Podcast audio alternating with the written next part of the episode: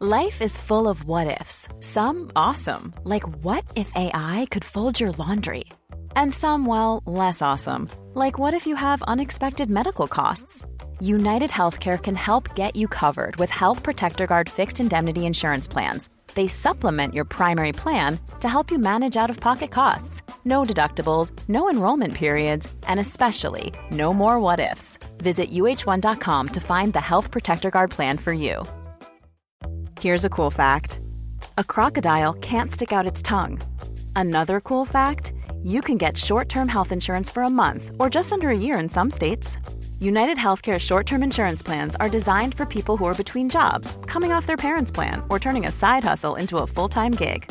Underwritten by Golden Rule Insurance Company, they offer flexible, budget friendly coverage with access to a nationwide network of doctors and hospitals. Get more cool facts about United Healthcare short term plans at uh1.com.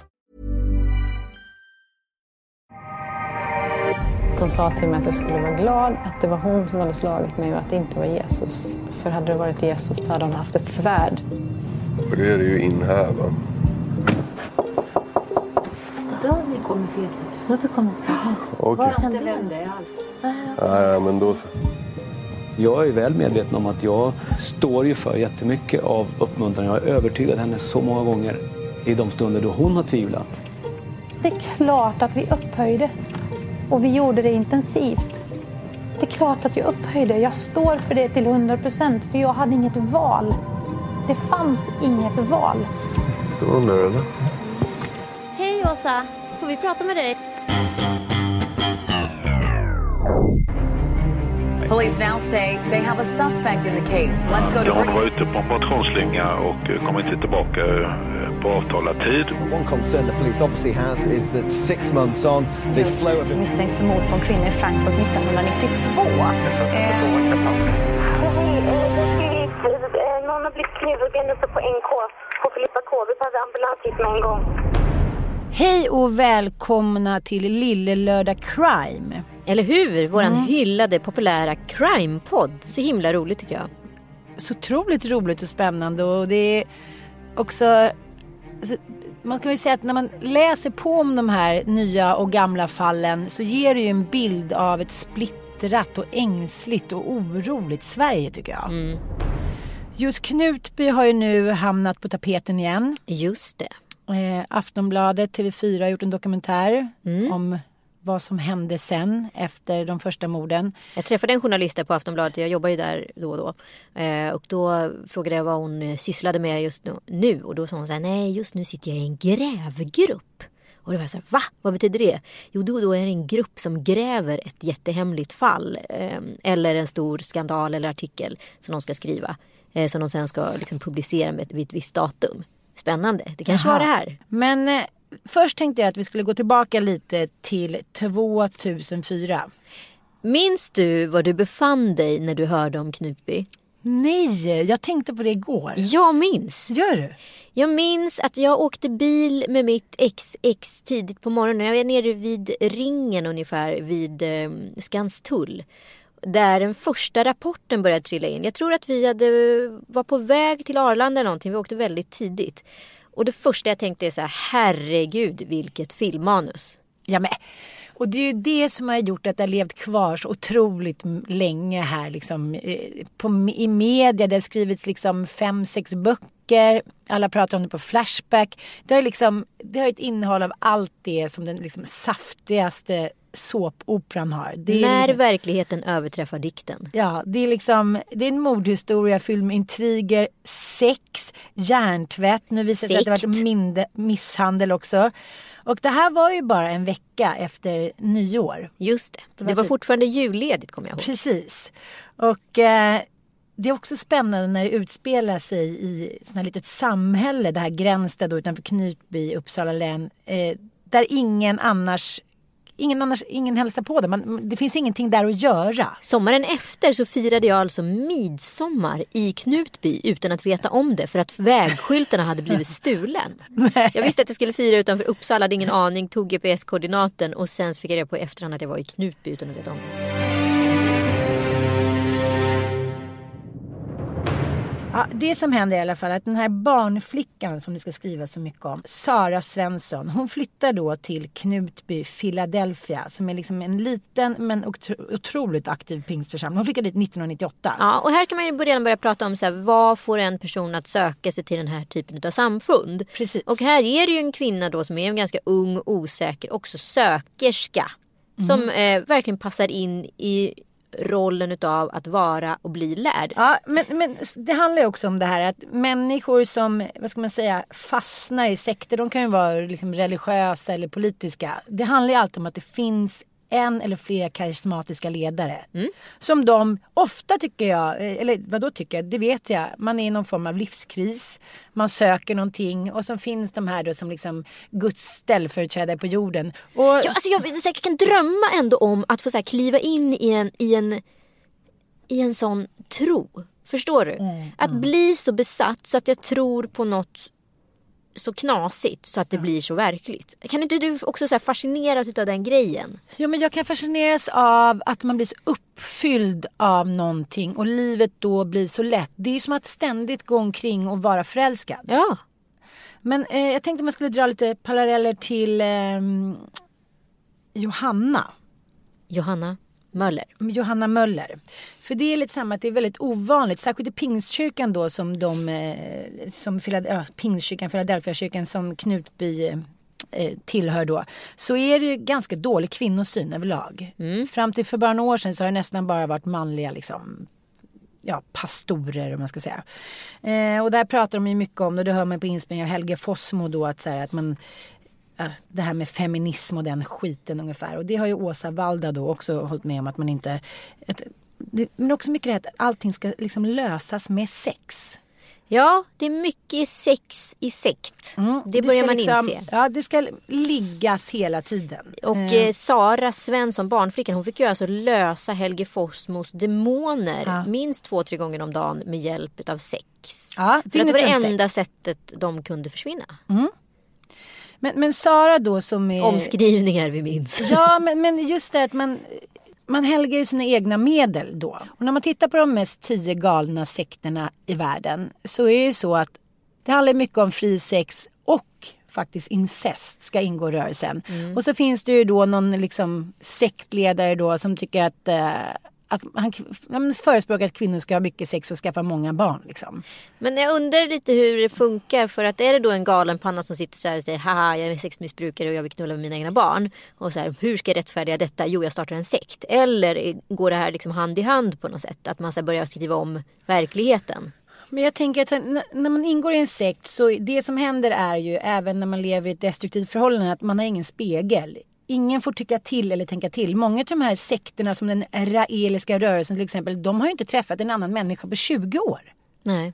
Du kan ju tänka dig själv om det då är en galen människa som så här, predikar någonting. Det blir starkt, det är ofta Ja, misshandel. det är mikro-Nordkorea. Precis, ja. Eh, och då blir det så att då skapar man ju sina egna lagar och man övertygar ju alla andra om att det är sant och riktigt. Och särskilt för de här barnen då som föds in i sekten. Vad ska de speglas i? De är ju helt isolerade i och i klorna på de här galna människorna. Men det finns ju någonting i mänskligheten. Alltså det finns ju ett driv utav sanning och rättrådan och sökning utav något annat och en motsättning. Det är ju det hela tonåren går ut på. Någon gång kommer ju de här revolute- revolu- någon gång kommer de här revoltera, vilket sig de vill eller inte, för det ligger i deras DNA. Jag vet.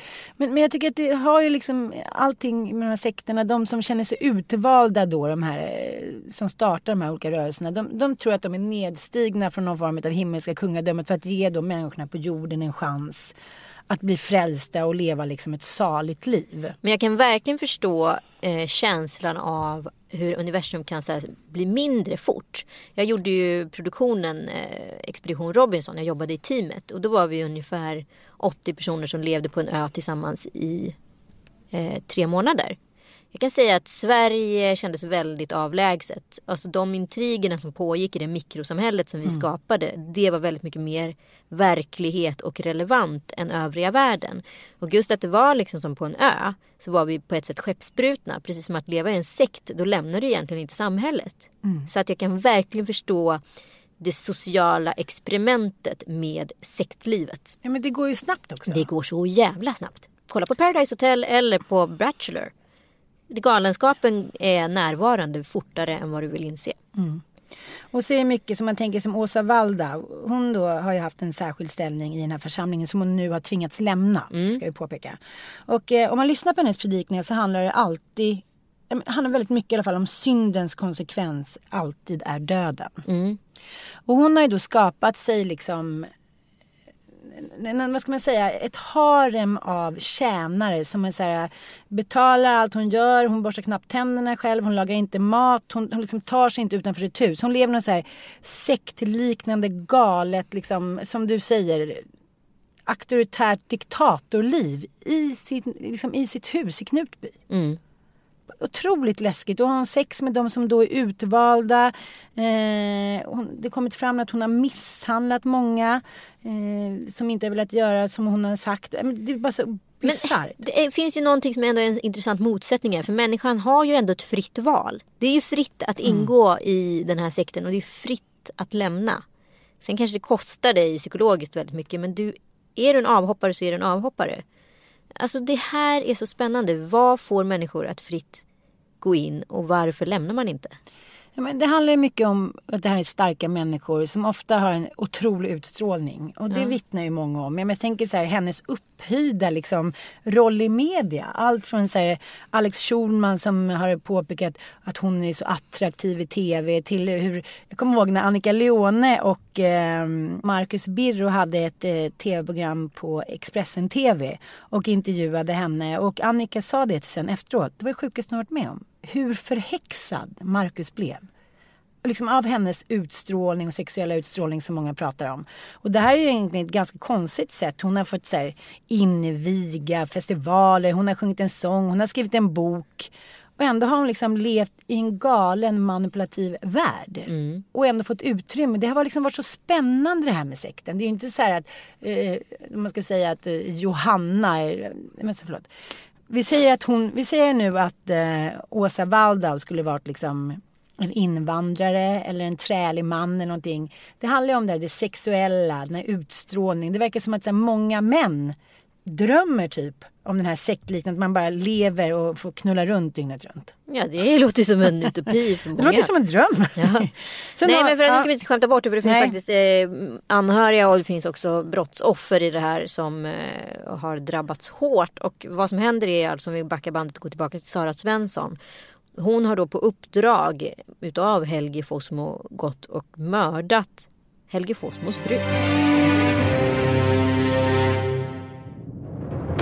Helge eh, var ju då väldigt karismatisk enligt många. Han var ju då en av de här sex stycken pastorerna i Knutby som hade då en förmåga att få folk med sig. Och i hans predikan då så predikar han då okonventionell sex och säger att han står då i någon särskild kontakt med Gud. Och eh, kvinnorna i församlingen får lära sig att de ska lyda männen. Ja, han, han säger då att Sara Svensson säger i polisförhöret att säga emot sin man det var en verklig synd som kunde leda till att man hamnade i helvetet. Mm. Mm. Men hon hann ju med en grej innan hon gick upp till eh, Helges, alltså pastorshuset och sköt hans fru. Han, hon sköt också en eh, annan eh, medlem ur församlingen men som överlevde. Hon sköt honom i munnen. Ja. Varför gjorde hon det? Men det var ju Helge Fossmos andra älskarinna. Ja. ja som bodde där eh, granne med dem. Mm. Och eh, det här verkar vara några återkommande drömmar som män Men hon sköt ju mannen. Precis. Ja. För att Helge ville då ha även den kvinnan för sig själv. Ah. Båda var då hans älskarinnor. Och det började ju med att Helge mådde dåligt. Hans andar, det var någonting. Det var demonerna igen. Ja. Så då var Sara då, som hade en annan pojkvän, blev beordrad då av Åsa Waldau och Helge att komma dit och rädda honom. Så att hon var i stort sett instängd i Helges eh, hus i så tre, fyra månader. Mm. Och där bodde också frun och de tre små barnen. Just det, det måste ju varit ganska speciell stämning där inne. Precis. Det, det skulle man gärna vilja ha varit en fluga på väggen. Tänk om Instagram hade funnits på den tiden. Ja. Men grejen är att den 18 december då 2004 så hittades då Helen Fossmo död hemma i pastorvillan där hon och Helge bor med sina tre barn. Det är alltså frun innan? Precis. Och eh, de hittar då en toxisk koncentration av läkemedlet, ja vad det nu är, Detropoxifen i blodet och eh, ändå så bedömer de hennes död som en olycka. Ja, hon hade ramlat i badkaret Precis. eller vad det hette. Och Helge han är så förkrossad, i alla fall ett par timmar. För sen senare den dagen är han hemma hos Åsa och pratar om att jag drömde att Helene skulle dö, berättar han för Åsa. Då säger Åsa, men har du inte drömt om Alexandra? Och då säger jag, jo det har jag. Jag drömmer mycket. Och Åsa sa att det är nog så att Gud har visat att Alexandra ska bli din fru. Då gick de in på kontoret och det kungjordes för Alexandras fästman hur det var, berättar Helge Foss. Och Alexandra är alltså syster till Åsa Walda. Precis. Så eh, då några timmar senare efter då eh, det här dödsfallet. Mm. Då... Man kan ju ändå tänka att när ens respektive mamma till ens barn går bort eh, att man är Mm. ganska förkrossad ganska lång tid. Precis. Men icke sa Nicke, inte när det kommer till Helge Fossmo. Nej, och då samtidigt så gifte sig då Sara Svensson eh, på sitt håll med en annan man i församlingen. Mm. Men då händer det där då att våren 2001 så hamnar Helge Fossmo i strid med djävulen. Oj. Och nu blir han akut sjuk va? det är mycket det här med fem, hur illa det är med feminismen. Ja. Om man är manhaftig, det är så fel. Och, Ja. dit. och sen ska man också, man ska vara en riktig jävel i sängen. Het på gröten. Ja, ja, absolut. Mm, man måste behaga sin man. Men det enda som kan hjälpa honom det är ju Sara Svensson och det här har ju han och Åsa Walda kommit fram till då. Mm. Och hon är då gift med en annan man i församlingen. Bara där är ju liksom, det är så absurt så att man Mm, alltså Ja. Sara Svensson ja. Precis. Och efter ett par dagar då, då flyttar Sara in i det här huset för att Mm. hjälpa honom då mot hans demoner. Just det. Mm, det är ungefär som jag skulle flytta in till er och sen skulle jag ligga med Joel hela dagarna för att han var akut sjuk. Exakt, men grejen är att ni huserar ju på övervåningen och resten av familjen på undervåningen. Så Så. jag och barnen får bo nere och du pippar Precis. med Joel på övervåningen Mm. helt enkelt. Det kändes bra. Jag undrar om man också hör lite ljud som man kan göra. Ja, men officiellt i församlingen då, eh, som nu är en växande församling på grund Mm. av alla de här härliga karismatiska pastorerna. Eh, då är hon då barnflicka hos pastorn men inofficiellt så bekämpar hon då hans demoner med sex. Jag undrar hur mycket hon hjälpte till med barnen egentligen. Mm. Hon skriver så här i förhören. Helge förklarar då att jag behövdes vid hans sida dygnet runt. Jag lämnade inte hans hem på över sex månader minst, säger Sara i ett förhör. För om hon lämnar rummet då får ju pastorn skakningar och svimmar. Men så fort hon kommer tillbaka då blir han bra igen och det här är ju ett otroligt mirakel. Men hur kan en människa vara så lättlurad? Jag vet inte. Jag menar, Det är så uppenbart för alla som sitter och lyssnar på den här podden och för oss som så här läser det här i efterhand. Hur kan man under så lång tid inte förstå ett dåligt skådespeleri? Ja, men, men jag tror att det handlar om det där att man kommer kanske till den här församlingen, man mår dåligt, man är sökare, man träffar människor som, tycker, som man har alla svaren. Det är ju väldigt skönt när man Mm. Ja, mår absolut. dåligt. Fri från ansvar. Men sen blir det så att Sara då tänker att Helge och hon ska skilja sig. Sara tänker att hon ska skilja sig från sin man ju. Ja. Och de ska bli ihop och älska varandra. Hon är ju helt jävla hjärntvättad såklart. ja, ja. Eh, men när ledarna här nu liksom i Knutby får reda på att, så här, att, att hon eh, att hon och Helge har den här relationen, då blir ju hon förskjuten. Just det. Ja. Så att, eh, nu har hon blivit intvingad i det här och sen så... Blir hon förkastad? Precis. Så här kan man ju någonstans förstå att hon är relativt hämndbenägen. Så att när då Helge kommer med den här lilla propån att, han, att hon kanske kunde mörda två eh, församlingsmedlemmar, det vill säga mannen till hans nya älskarinna och hans fru, så är väl inte hon helt motsträvig. Helt enkelt. Och sen så eh, trycker de ju ner, eh, han trycker ner henne och säger att nu får hon höra att hon är djävulens redskap, att hon gått synder och att pastorn då är oskyldigt förförd. Ah. Precis. Och eh, Åsa, nu ger sig hon också in i det här då och säger att hon är oren och värdelös och fruktansvärd. Och, och hon säger det, jag känner mig bara mer och mer smutsig och värdelös och vidrig. Så att hon är, hennes självförtroende och självkänsla är liksom... Gud, att hon inte blev liksom suicidal kan man ju nästan ifrågasätta här. Och nu säger dro- drottning Tisha, som Åsa då har döpt om sig till. Mm. Att nu är hon så oren att hon måste eh, isoleras. Just För hon är nu eh, smittad av onda andar och det kan ja, smitta de andra i församlingen. Så att när det kommer gäster på besök då måste Sara gå in i ett annat rum. Ah. Det är så vidrigt. Hon liksom utfryser nu gemenskapen. Först har hon liksom varit hans eh, sexslav i sex månader och sen så blir hon då anklagad för att ha förfört honom. Så under större delen av året 2003 är hon instängd i Helges hus. Det är alltså den klassiska horepallen. Mm, man precis. Ryckt, ryckt in mm. till och, undsättning. Eh, precis. Och eh, så länge hon är där så får hon ändå liksom vara kvar i församlingen. Men nu är hon helt isolerad. Så nu kan ju Helge bete sig lite hur han vill. Bryta upp.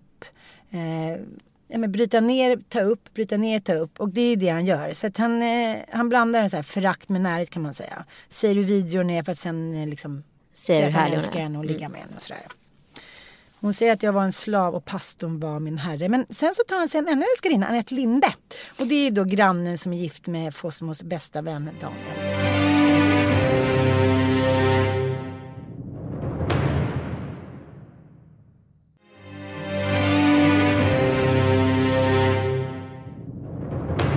Och det är så mycket sms, det är så glödande sms. Du är så underbar, längtar efter så det verkar både här och där. Oj. Ja, riktig, eh, riktig poet det här.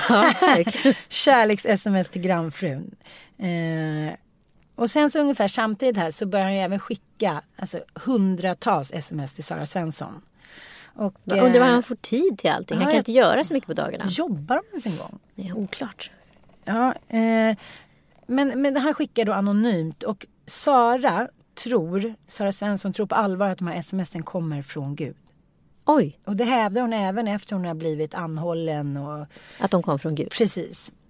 Och nu måste hon utföra den här lydnadshandlingen då för att hon ska få tillbaka hans nåd nu när hon syndat så stort. Så hon måste döda två människor, skriver Gud. Ah. Alexandra Fossmo och Linde. Det första är ett måste, det andra kan du göra av kärlek, står det i smsen. Som då Sara tror kommer från Gud själv. Och det här pågår, så eh, tidigt på morgonen den 8 november 2003 så gör hon sitt första försök. Det här visste inte Med hammaren? Ja. Mm. Vet, jag kan där. Ja, då går hon in där i rummet till den här Alexandra som ligger och sover. Då vet hon att hon slår då ett slag rätt hårt men då vaknar Alexandra och säger aj men vad gör du? Och då fortsätter hon slå. Alexandra hon är så blodig och gråter. Hon har liksom blivit precis attackerad av sin bästa väninna och förstår inte varför. Vad gör hon? säger förtvivlat. Nej, vad gör du? säger hon såklart och är helt knäckt. Men sen fattar inte jag riktigt. Sen så åker Sara hem till sin pappa då i Vaggeryd. Och hon är ju så här, mår ju så dåligt över att hon har misslyckats, uppdraget från Gud och hit och dit. Men varför stoppas inte allting här? Nej, nej, nej. Det är Vaknar hon upp är... då och har fått några liksom slag i huvudet och sen säger ojsan svejsan. Men det som jag, om jag inte missminner mig och det här kan man kanske faktakolla. Men jag får mig att i den här situationen så började ju då eh, Alexandra och Helga hamna i någon form av äktenskaplig kris. Det, Alexandra började misstänka att det har pågått någon fuffens med Sara. Ah, ah. Att de inte ens har hört det. Eh, och det liksom blir lite så här, det här är ju det här är en käpp i hjulet för Helge. Så nu är det ganska brådis som jag förstår det. Att komma skrida till verket. Men man skulle säga så här, den här lilla församlingen då, det här verkar ju då, liksom den här lilla sekten, här verkar då sex, otrohet och hjärntvätt var, och misshandel var liksom vardagsmat. Mm. Eh, och då, men Sara hon blir allt mer desperat eftersom hon hon vill ju få liksom, Guds nåd. Mm. Hon kommer ju komma till helvetet. Det är ja. det värsta man kan tänka sig såklart när man är kristen. Det är ja. ju värre än en evig vidrig död. Exakt. Då ska hon förslå, hennes idé är att hon ska tända eld på rummet där Alexandra sover. Men det tycker Helge är för farligt. Ja. Det är för osäkert, det blir för mycket rökutveckling och sådär. Barn i huset också. Ja, så därför så skaffar hon en pistol istället. Då, ja. Och så natten till den 10 januari så kör hon tillbaka mot Knut med, och eh, hon förklarar själv att hon är som en robot som är programmerad att döda. Just det. Mm, det mm. kan man ju förstå. Uh, och nu är allting igen som en så här, hon har på sig svarta täckkläder eh, och en... Och en eh, Brun dam, damstrumpa du vet, mm. som hon har klippt hål i. Men sen så börjar hon ändå tveka. Så hon ringer till Helge och säger så här, men är du verkligen säker på att jag får Guds nåd om jag dödar Alexandra Daniel? Och det är han. Och då skickar han ett kort sms, tvättstugedörren inte låst. Så då är det så att Sara smyger in genom den här olåsta dörren, eh, smyger upp till ovanvåningen och eh, tänker så här, detta är mitt måste. Hon öppnar sovrumsdörren, och det är ganska ljust i rummet och skjuter ett första skott mot Alexandra som sover.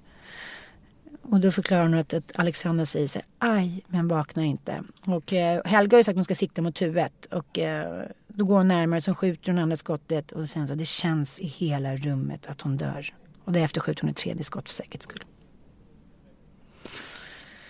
Starkt. Ah, mm. Mm. Och så hon, sen? sen går hon upp igen och kollar att, att liksom hon verkligen är död. Och Helge ligger då på ovanvåningen med barnen som jag förstår det. Precis. Och sover. Mm. Och de här barnen måste vid det här tillfället ha fått eh, lite sömnpreparat för annars märker man väl ganska ordentligt att det är någon som har skjutit tre ganska kraftiga smällar. Precis. Närliggande rum. Mm.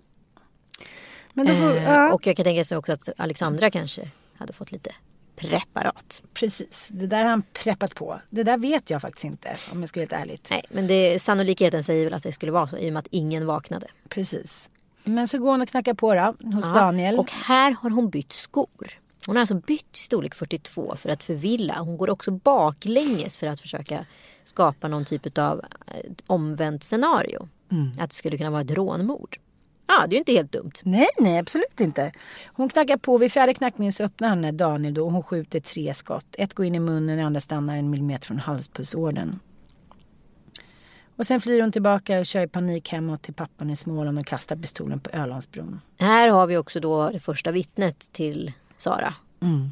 Och såklart omtucknad och chockad men han kan identifiera henne.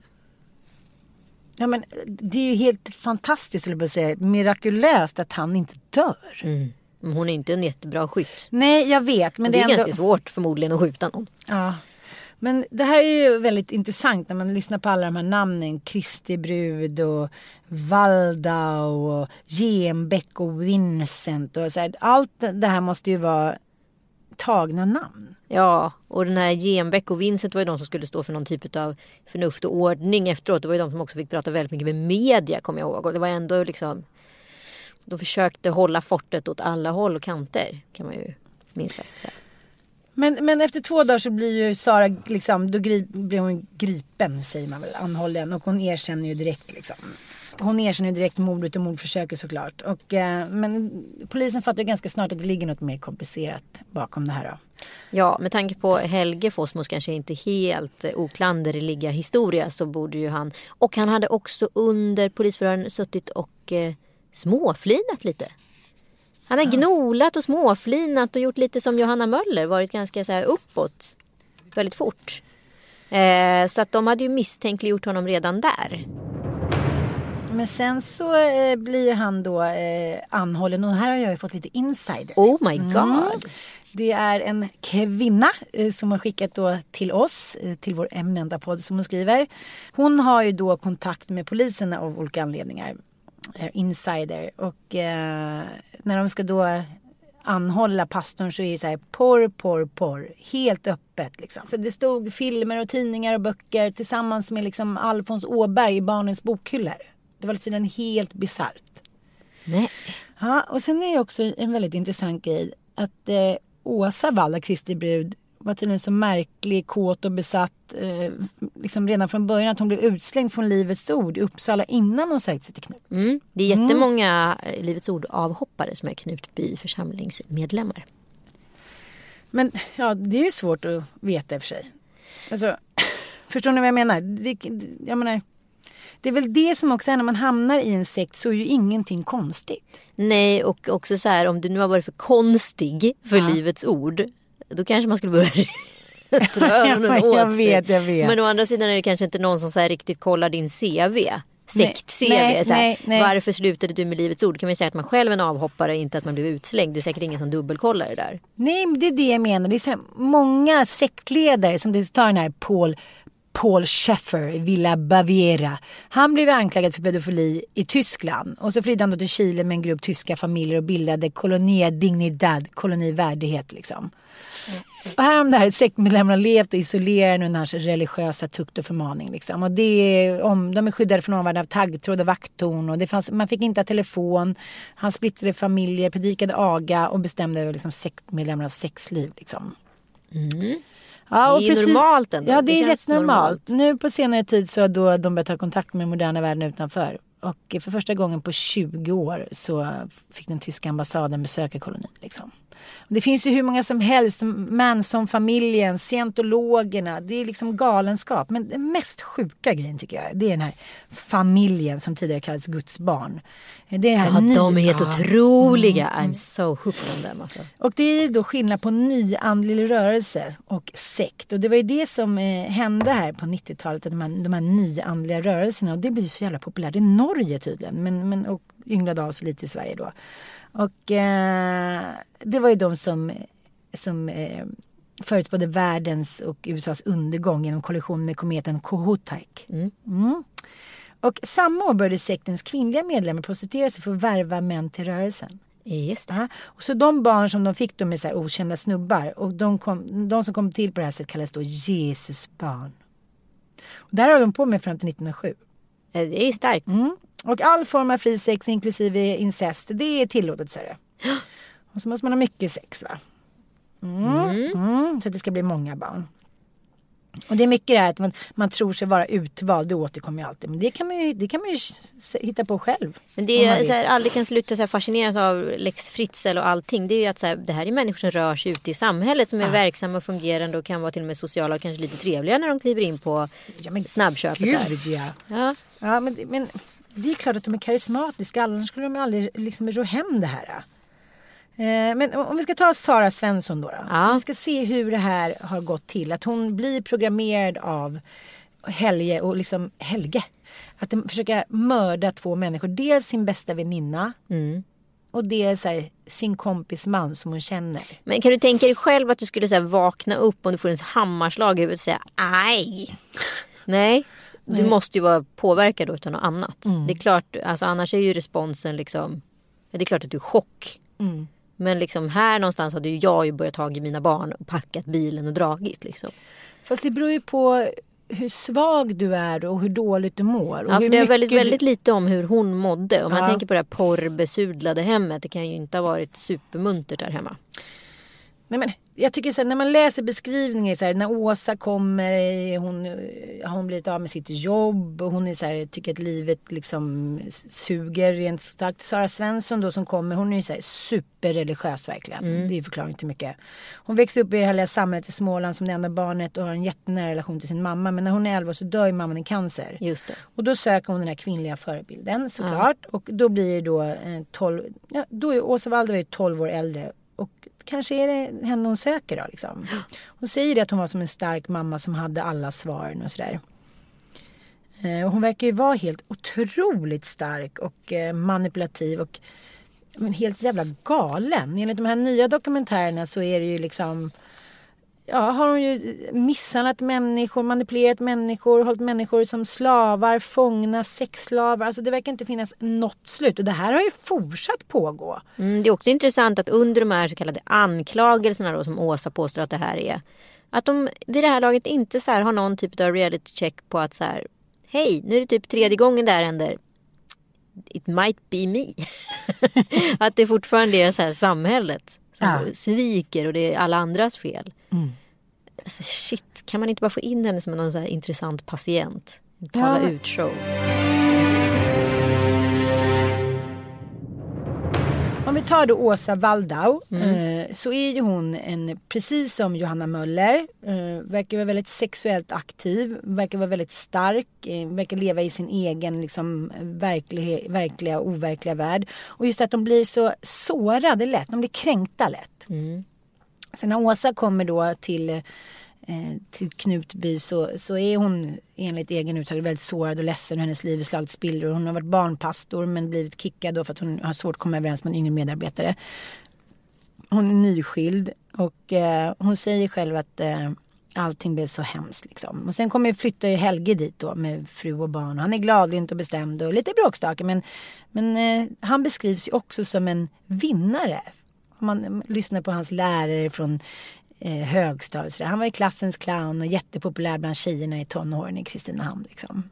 Mm. Så det är inte så här att det är så här, lilla gråa Nisse sitter där och kan liksom ro hem det här. Det här är ju så starka, förlåt men galna människor som älskar makt, sex och liksom det där isolerade, det är ju det som är det hemska tycker jag. Att man isolerar sig och då verkar, det så här, då verkar allt vara tillåtet på något sätt. Det är så intressant. Jag är uppe i Gävle i helgen och det finns ju massa småorter man passerar på vägen upp dit och man så här inser att så här, det här är inte långt från Stockholm men helt plötsligt är det ett, ett samhälle som kan lika gärna vara liksom isolerat från verkligheten geografiskt 30-40 mil bort. Ja. Och nu den, här, den nya dokumentären då. Liksom, då bara fortsätter. Det är det som jag tycker är så konstigt. Att säga, okej, okay, hela församlingen liksom rasar och eh, alla försvinner lite iväg åt varsitt håll. Men sen så är det så här, som kackerlackor, så här, sakta men säkert bygger de upp det och allting blir etter värre. Ja. Jag fattar inte det. Men det som var spännande också är så här, att efter då att de har blivit anklagade för att de har erkänt, eh, Helge erkänner ju inte. Nej. Och Sara har ju kvar alla sina hundratals sms ah. i telefonen. Hon minns ju alla ordagrant. Hon är en väldigt noggrant plikttrogen tjej liksom. Nu eh, börjar de närma sig eh, rättegången och eh, åklagaren är jävligt stressad. För att eh, man har ju bara Saras sms. Ja, Eftersom Helge har ju raderat sina. Ja. Så att han nekar och skyller på Åsa Waldau. Och, nej, ja, alla är anklagade i den Precis. Och han har minsann fått diabetes och det är både det ena och det andra. Men läkarna hittar ju inget fel då. Men till slut då i maj så lyckas de hitta ett företag som kan återskapa alla sms. Så du menar alltså det Helges sms eller de från den anonyma telefonen som var Gud? Ja det var ju då, men, Sara trodde ju att det var Gud för att Helge sagt att Gud ja. kommer smsa dig. Men sen så var det ju hans personliga sms som varvades med det här då. Mm. Du är så vidrig men jag älskar dig. Mm. Mm, mm. Och, eh, men nu kan han ju inte riktigt förklara då de här smsen. Här börjar han ju stamma och snacka bort sig. Här är jag inte ett dugg trovärdig liksom. Och det intressanta var ju som jag sa då att Sara är ordagrant återgett varenda sms. Mm. Och här eh, pågår den här rättegången och eh, Helge blir ju då dömd till mord och eh, anstiftan till mord. Men eh, Sara blir ju dömd till eh, rättspsykiatrisk vård. hon är mm. släppt nu va? Hon är släppt men det var ganska intressant när man lyssnar på åklagaren för hon var ju först besviken. För hon mm. tänkte tänk om hon hon trodde att hon skulle bli utsläppt efter något år bara. Men det mm. blev hon ju inte. Utan hon eh, blev en ganska omfattande tid för Sara i rättspsykiatriska världen kan man väl säga så. Ja och hon, jag tror också det var någonting om att hon själv valt ville stanna. För att hon inte var, de, hon hade de prövotider för några år sedan och sen så valde hon själv att gå tillbaka för hon kände att hon inte var redo att hantera det. Hon har också bytt identitet kan man ju. Mm. Här är också, om man ska säga alla de här pikanta inslagen som har gjort den här historien så otroligt smaskintressant och som en följetong i medierna. Det är ju här att det, här, det, är liksom, det innehåller ju allt. Mm. Djävulen. Mm. Gud. Oh. Sex. Ja.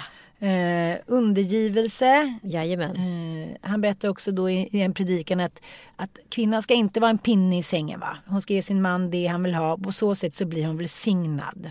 Mm. Mm. Och alla synder då man inte lydde mannen, då hamnade man ju i helvetet. Det var intressant det där med porren tycker jag. För kommer ni ihåg när vi pratade om, när vi pratade om Bobbys eh, styvpappa ja. som också hade belamrat hemmet med porr överallt. I Bobbys rum så var det ju en mm. porraffisch på väggen istället för som kanske att det är liksom ett naturligt inslag i barnens liv. Mm. Och när man tittar på de här tio värsta sekterna så verkar det vara också ett naturligt inslag.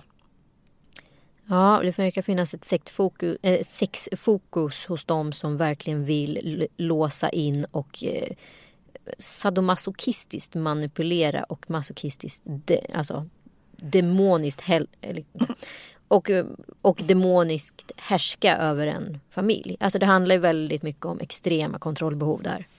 Men det som också som jag tycker är så jävla läskigt det är också den här grunden till alla liksom, de här kulterna eller sekterna. Det är att allting är så jävla förvirrat. Mm. Det är inblandning ofta av så här, Gud, djävulen, ufo, utomjordingar.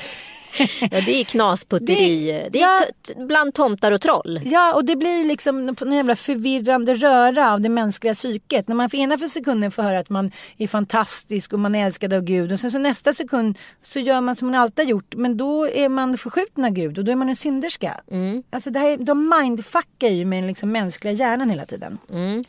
Ja, hur som helst, han blev ju livstidsdömd. Åsa Waldau isolerade sig under flera år men har liksom i det tysta fortsatt att verka här nu. Mm. Men så är den här nya dokumentären, eh, hennes man pratat ut, de ligger i skilsmässa. Och sagt att då, de har ju tillsammans skapat liksom hela den här kulten. När hon har varit tveksam säger han att han har övertygat henne om att det är rätt.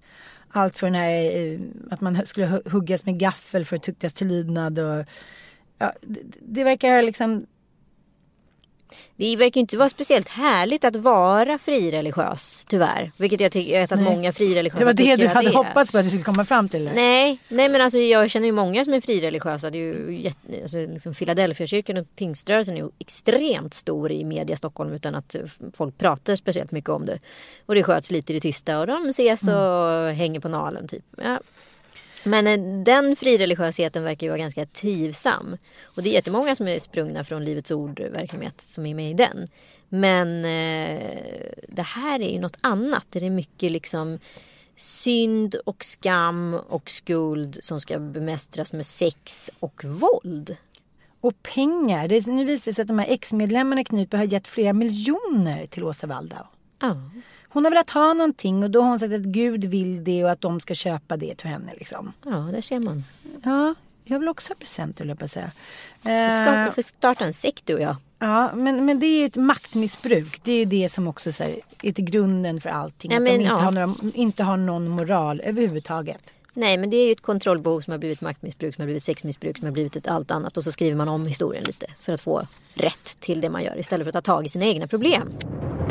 Men varför blev det här en sån stor grej? Det har vi redan varit inne på. Men det är alltså ett extremt ovanligt fall. Och det har skrivit åtta böcker, det har gjorts teateruppsättningar, flera dokumentärer. Liksom. Och en spelad eh, tv-serie.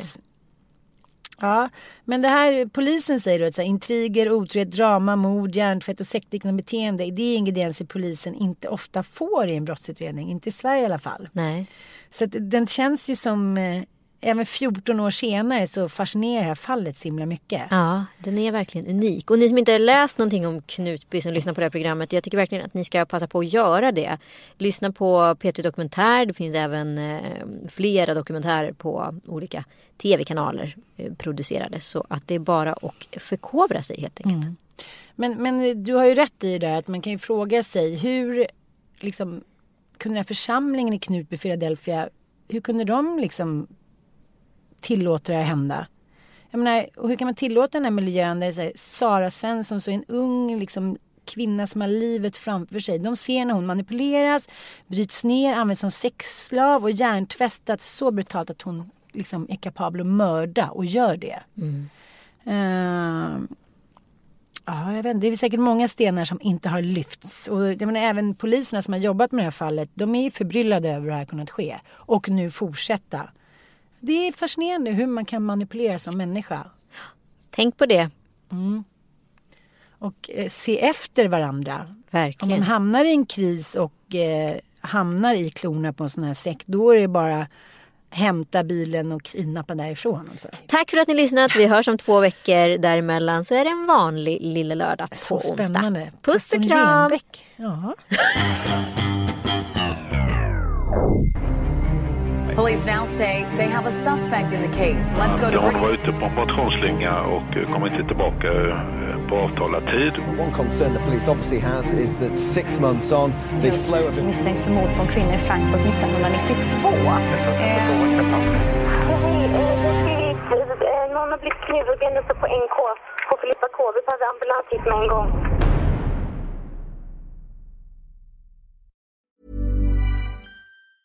Mom deserves the best, and there's no better place to shop for Mother's Day than Whole Foods Market. They're your destination for unbeatable savings, from premium gifts to show-stopping flowers and irresistible desserts. Start by saving 33% with Prime on all body care and candles. Then get a 15-stem bunch of tulips for just $9.99 each with Prime. Round out Mom's menu with festive rosé, irresistible berry chantilly cake, and more special treats. Come celebrate Mother's Day at Whole Foods Market. Even when we're on a budget, we still deserve nice things. Quince is a place to scoop up stunning high-end goods for 50 to 80% less than similar brands. They have buttery soft cashmere sweaters starting at $50, luxurious Italian leather bags, and so much more. Plus, Quince only works with factories that use safe, ethical, and responsible manufacturing. Get the high-end goods you'll love without the high price tag with Quince. Go to quince.com slash style for free shipping and 365-day returns.